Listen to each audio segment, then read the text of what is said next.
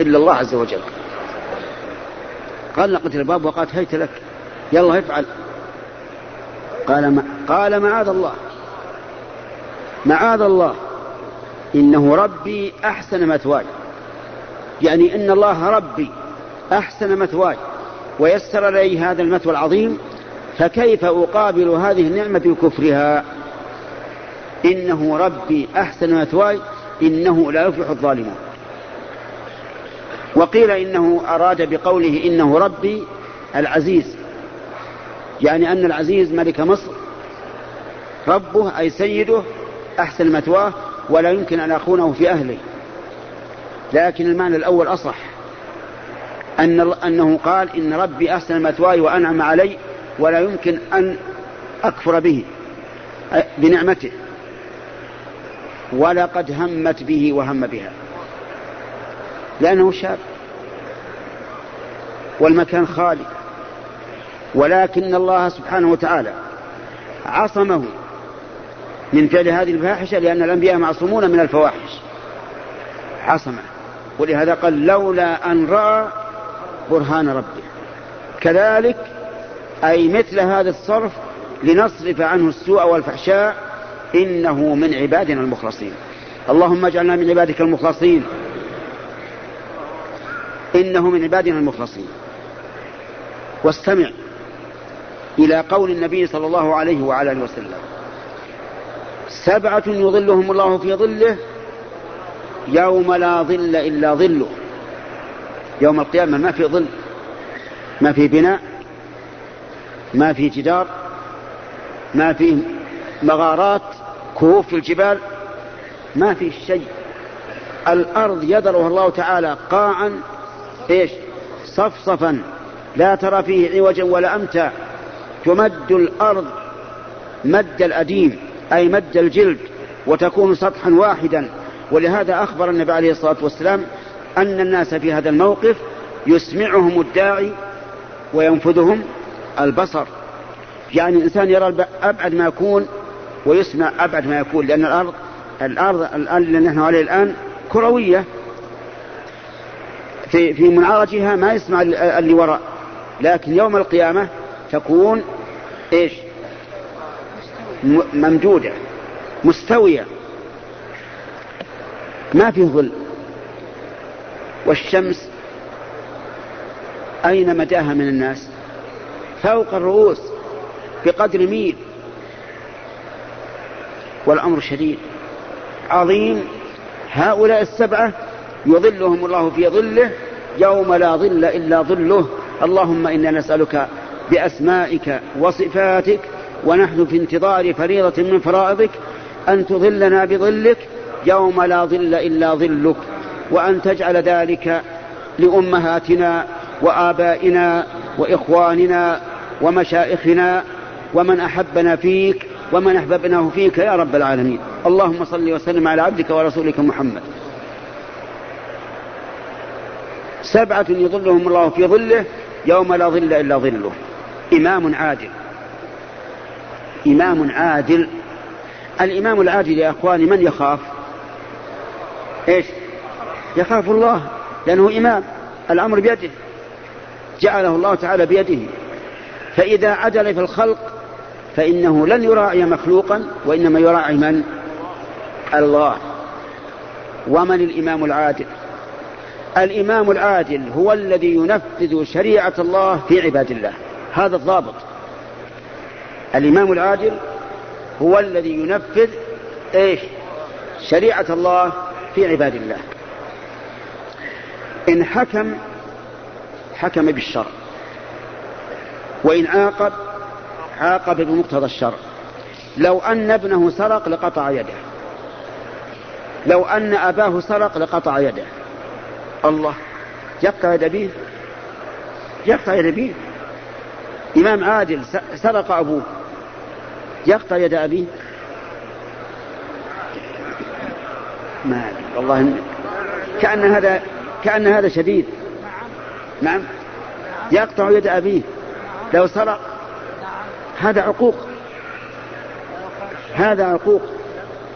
النعم يقطع يد أبيه. لكن امتثالا لمن؟ لله. أليس إبراهيم عليه الصلاة والسلام أراد أن يذبح ابنه؟ وأيما أشد قطع يد ولا ولا قتل؟ ذبح. في نشد إبراهيم عليه الصلاة والسلام أمره الله أن يذبح ابنه فامتثل. وقال له يا بني إني أرى في المنام أني أذبحك فانظر ماذا ترى. وإنما قال له انظر ماذا ترى ليختبره وليس ليشاوره.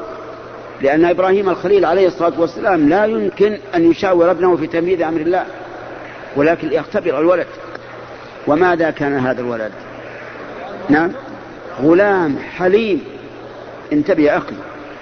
غلام حليم وفي القرآن موضعان غلام عليم. لكن غلام عليم غير غلام حليم. الغلام العليم إسحاق والغلام الحليم إسماعيل. إسماعيل ولهذا تجد في سورة الصافات بغلام إيش؟ بشرناه بغلام حليم. في غيرها بغلام عليم. لأن رجلان لأن الرجلين مختلفان. طيب أقول بارك الله فيكم. الإمام العادل هو الذي ينفذ شريعة الله إيش؟ في عباد الله. لا يبالي بقريب أو بعيد أو شريف أو وضيع. ولعل بعضكم سمع قصة أتلوها عليكم الآن. كانت امرأة من بني مخزوم وبنو مخزوم من أشرف قبائل العرب. كانت تستعير المتاع وتجحده. تنكر. صورة المسألة تأتي إلى أهل البيت تقول أعطوني القدر أطبخ عليه. فيعطونها القدر. فإذا جاءوا يطلبون قدرهم قالت ما عندي لكم شيء. تنكر. فأمر النبي صلى الله عليه وسلم أن تقطع يدها. أمر أن تقطع يده وهي امرأة من بني مخزوم من أشراف قريش. فأهم قريشا هذا. وقالوا كيف تقطع يد امرأة من قريش؟ هذا صعب. فقالوا من يشفع إلى الرسول عليه الصلاة والسلام؟ فاختاروا أسامة ابن زيد بن حارثة. فما صلة أسامة بن زيد بن حارثة برسول الله؟ من يعرف؟ تفضل. ما يكفي هذا. حبه وابن حبه؟ لا لكن ما يكفي. ما صلته؟ زيد بن حارثة مولى لرسول الله صلى الله عليه وسلم اعتقه النبي عليه الصلاة والسلام. وابنه أسامة مولى لرسول الله؟ لأن مولى الأب مولى للابن. وكان الرسول عليه الصلاة والسلام يحبه ويحب أباه زيدا. فقالوا يا أسامة اشفع لنا اشفع عند الرسول عليه الصلاة والسلام. لا تقطع يد هذه المرأة. ذهب الرجل وشفع إلى النبي عليه الصلاة والسلام. أن هذه المرأة لا تقطع يدها. أتدرون ماذا قال الرسول؟ صلى الله عليه وسلم بأبي هو وأمي. ماذا قال؟ قال أتشفع في حد من حدود الله؟ أتشفع في حد من حدود الله؟ والاستفهام هنا للإنكار ولا للإقرار؟ للإنكار. أتشفع في حد من حدود الله؟ يعني ما كان ينبغي أن تشفع في حد من حدود الله. حدود الله فريضة لا بد أن تنفذ على كل أحد. ثم خطب الناس كعادته عليه الصلاة والسلام. كلما حدث أمر خطب الناس ليبلغ شريعة الله إلى عباد الله. خطب استمع. وقال إنما أهلك الذين من قبلكم أنهم كانوا إذا سرق فيهم الشريف تركوه. لماذا يتركونه؟ لشرفه. وإذا سرق فيهم الضعيف أقاموا عليه الحد. ثم قال وهو الصادق البار بغير قسم عليه الصلاة والسلام. قال ويم الله. ومعنى ويم الله؟ أقسم بالله. لو أن فاطمة بنت محمد سرقت لقطعت يدها. اللهم صل وسلم عليه. أيما أشرف دينا ونسبا هذه المرأة المخزومية أم فاطمة بنت محمد؟ فاطمة بنت محمد رضي الله عنها سيدة نساء أهل الجنة. لو أن فاطمة بنت محمد سرقت لإيه؟ لقطعت يدها. وهل المعنى لأمرت من يقطع يدها كما أمر أن تقطع يد المخزومية؟ أو المعنى لباشرت قطعها أنا بيدي؟ المعنى لباشرت أنا. وهذا أبلغ من أن يأمر غيره بقطع يدها. يعني يقسم عليه الصلاة والسلام لو أن فاطمة بنت محمد سرقت لقطع يدها. هذا هو العدل. هذا هو العدل. إذا من ال من ال الإمام العادل في الحديث؟ من الإمام العادل؟ هو الذي ينفذ شريعة الله في عباد الله. الثاني شاب نشأ في طاعة الله. شاب. والشباب كما تعرفون عندهم نزوة وعندهم سفة ولهذا جاء في الحديث يعجب ربك للشاب ليست له صبوة. طيب شاب نشأ في طاعة الله. الثالث رجل قلبه معلق بالمساجد.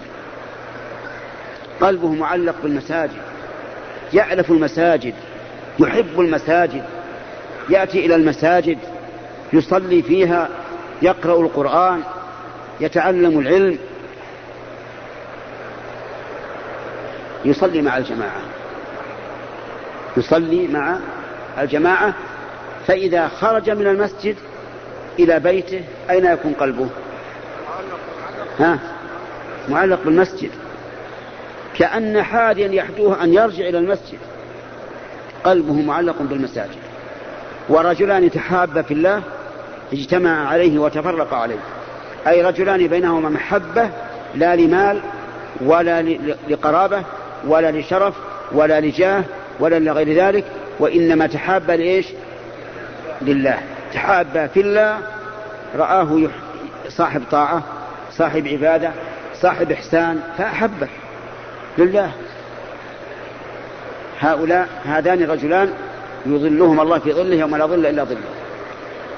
ورجل دعته امرأة ذات منصب وجمال فقال إني أخاف الله. هذا الشاهد. دعته امرأة ذات منصب وجمال. يعني امرأة جميلة امرأة حسيبة ما هي من, من سقط النساء بل شريفة. ذات منصب وجمال. فقال إيش؟ إني أخاف الله. هذه الكلمة إني أخاف الله تدل على أن هذه المرأة دعته في في مكان ليس عندهما أحد. ولا لا؟ انت معي يا أخي. قم. قم يجيك السؤال. هذا سبحان الله. أجيب المؤذن أجيب المؤذن. الله أكبر الله أكبر.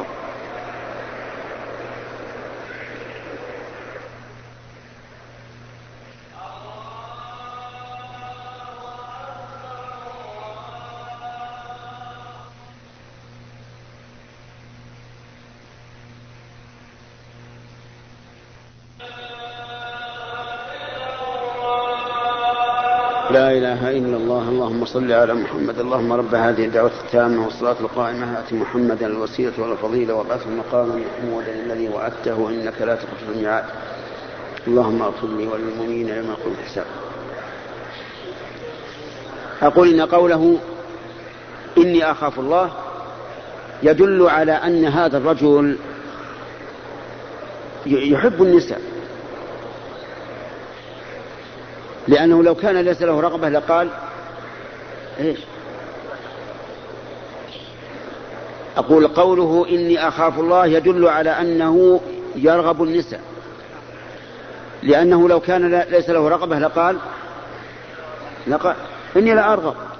إن قال إني أخاف الله يدل أيضا على أنه كان في مكان خالي. لأنه لو كان عنده ما أحد لقال أخاف أن يطلع الناس. فهذا لم يمنعه من فعل الفاحشة إلا شيء واحد وهو خوف الله عز وجل. فانظر كمال العفة مع أنه سهل, سهل له الأمر. المكان خالي والرجل فيه الشهوة والمرأة ذات منصب وجمال ولكنه ترك ذلك لأنه يخاف الله. وإنما أتيت بهذا الحديث للدلالة على أن الله تعالى إذا سهل عليك أسباب المعصية فاحذر احذر لأنه قد يكون ذلك إيش؟ امتحانا وابتلاء. لأن الإنسان قد يترك المعصية إذا صعبت عليه أسبابها لا خوف من الله لكنه تعب ومل. لكن إذا سهلت الأسباب وترك ذلك لله فهذا هو الذي عبد الله حقا.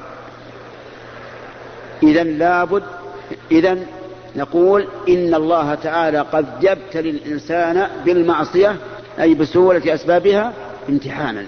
فهؤلاء الذين يعبدون القبور ويقولون إننا ندعوهم ندعوهم فيستجاب لنا. ماذا نقول لهم؟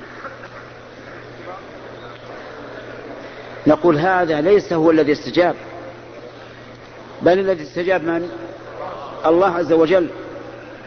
لأن الله يقول إن تدعوهم لا يسمعوا دعاءكم ولو, ولو سمعوا ما استجابوا لكم. ويقول عز وجل ومن أضل ممن يدعو من دون الله من لا يستجب له إلى يوم القيامة وهم عن دعائهم غافلون وإذا حشر الناس كانوا لهم أعداء. العجب أن هؤلاء الذين يوالون أصحاب القبور إذا كان يوم القيامة يكونون أعداء. واحد عدو للآخر يتبرأ منه. فنقول يا أخي وهي وصية مني لكم معشر المسلمين إذا رأيتم أن الله قد سهل أسباب المعصية فاعلموا أن هذا امتحان وابتلاء. فاحذروا احذروا المعصية. فصار الآن هذه الأمة لما ابتلاها الله بالصيد حال الإحرام وصار يسهل عليهم جدا أن يأخذوه. هل تحيلوا عليه أو فعلوا أو صادوه أو لا؟ أبدا. وهذا يدل على كرم هذه الأمة والحمد لله وأنها أبعد الأمم عن التحيل على محارم الله. إذا اعبد الله وحده. توكل على الله وحده. لا تدعو غير الله. لا ملكا مقربا ولا نبيا مرسلا ابدا مهما كان. فإذا كان النبي عليه الصلاة والسلام يقول بأمر الله حيث قال الله له قل إني لا أملك لكم غرا ولا رشدا. اقرأ لا يا اخ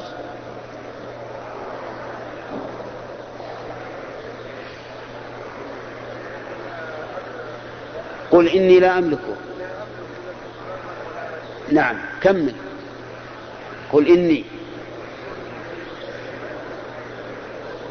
كمل. من يكملها؟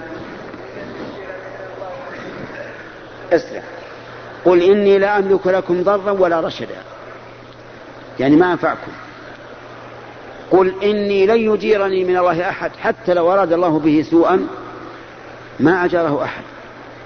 قل إني لن يجيرني من الله أحد ولن أجد من دونه متحدا يعني لا أجد من دون الله أحدا يمنعني مما أراد الله بي. هذا وهو من من هو؟ من هي جماعة المسلمين؟ الرسول عليه الصلاة والسلام أمره الله أن يعلن إني لا أملك لكم ضرا ولا رشدا. إني لن يجيرني من الله أحد ولن أجد من دونه متحدا. طيب. لما أنزل الله تعالى على نبيه وأنذر عشيرتك الأقربين. دعا النبي صلى الله عليه وسلم عشيرته وجعل يخاطبهم. حتى قال يا صفية بنت عبد المطلب لا أغني عنك من الله شيئا. صفية وصلتها بالرسول. يا صفية بنت عبد المطلب. عمته. يقول لا أغني عنك من الله شيئا. يا فاطمة بنت محمد سليني من مالي ما شئت يعني اطلب ما تشائين من مالي لا أغني عنك من الله شيئا. هذا وهو الرسول عليه الصلاة والسلام. فكيف بغيره يا أخوان؟ لا تبطلوا أعمالكم بدعاء غير الله. طيب. من شرط العبادة اتباع من؟ اتباع الرسول عليه الصلاة والسلام. فلا يجوز لأحد بإجماع المسلمين تبينت له سنة الرسول عليه الصلاة والسلام أن يدعها لقول أحد كائنا من كان. انتبه يا أخي. إذا تبينت للإنسان سنة الرسول عليه الصلاة والسلام فإنه لا يجوز لها له أن يدعها لقول أحد كائنا من كان. لأنه لو ترك سنة الرسول لقول فلان وفلان لم يحقق شهادة أن محمدا رسول الله. لجعل شريكا للرسول في الرسالة. طيب لو قدرنا أن أحدا من الصحابة قال قولا يخالف قول الرسول عليه الصلاة والسلام أنا أخذ بقول هذا الصحابي أم بقول الرسول؟ أجيب يا جماعة. بقول الرسول وإذا قال لنا قائل هذا قول فلان وفلان من الصحابة نقول هؤلاء يجوز عليهم الخطأ وليسوا معصومين. لكن الرسول عليه الصلاة والسلام معصوم من الخطأ في, في, في تبليغ رسالة الله. أي إنسان يقول في شيء قاله الرسول عليه الصلاة والسلام إن فلانا قال كذا يعارض به قول الرسول. أبدا هذا لا يحل. توحيد الاتباع للرسول عليه الصلاة والسلام أمر واجب. طيب لو أن إنسان قال قال النبي صلى الله عليه وسلم كذا وكذا فقال الشافعي يقول كذا أحمد بن حنبل يقول كذا مالك يقول كذا أبو حنيفة يقول كذا إسحاق يقول كذا سفيان الثوري يقول كذا الأوزاعي يقول كذا ثم أتى بالأئمة. هل يجوز أن يدع قول الرسول لقول هؤلاء الأئمة؟ لا والله لا يجوز. حتى الأئمة أنفسهم رحمهم الله وجزاهم الله خيرا يتبرؤون من أحد يقدم قولهم على قول رسول الله. حتى قال الشافعي إذا رأيتم قولي يخالف قول الرسول فاضربوا به عرض الحائط رضي الله عنه. وأحمد بن حنبل يقول لا تقلد دينك الرجال. يعني لا تقلد الرجال وتدع قول الرسول عليه الصلاة والسلام. قول الرسول هو المتبوع. اسمع. ويوم يناديهم فيقول ماذا أجبتم المرسلين؟ هل قال ماذا أجبتم فلانا وفلانا أجيبوا لا. فليس قول أحد مهما كان. حجة على على العباد إلا الرسل عليهم الصلاة والسلام. كل الأقوال مهما عظم قائلوها في نفوس أتباعهم فإنها ليست مما يحتج به ولكنها مما يحتج له. انتبه للقاعدة هذه قاعدة مفيدة. أقوال العلماء لا يحتج بها ولكن يحتج لها. ولهذا إذا قال قائل قال فلان كذا وكذا نقول أين دليله؟ أين دليله؟ حتى نبني عبادتنا على هدي الرسول عليه الصلاة والسلام. اجعل هذه عندك أيها الأخ. أيها الأخ الكريم الذي قصدت بيت الله ومسجد نبيه صلى الله عليه وسلم اجعل هذه على بالك. ليس أحد من الخلق سوى رسول الله يكون قوله إيش امشي حجة على عباد الله. أبدا. مهما كانت منزلته مهما كانت منزلة منزلته عند قومه ليس حجة. الحجة في إيش؟ في قول الله وقول رسوله. واستمع. فإن تنازعتم في شيء فردوه إلى من؟ إلى الله والرسول. إن كنتم تؤمنون بالله واليوم الآخر.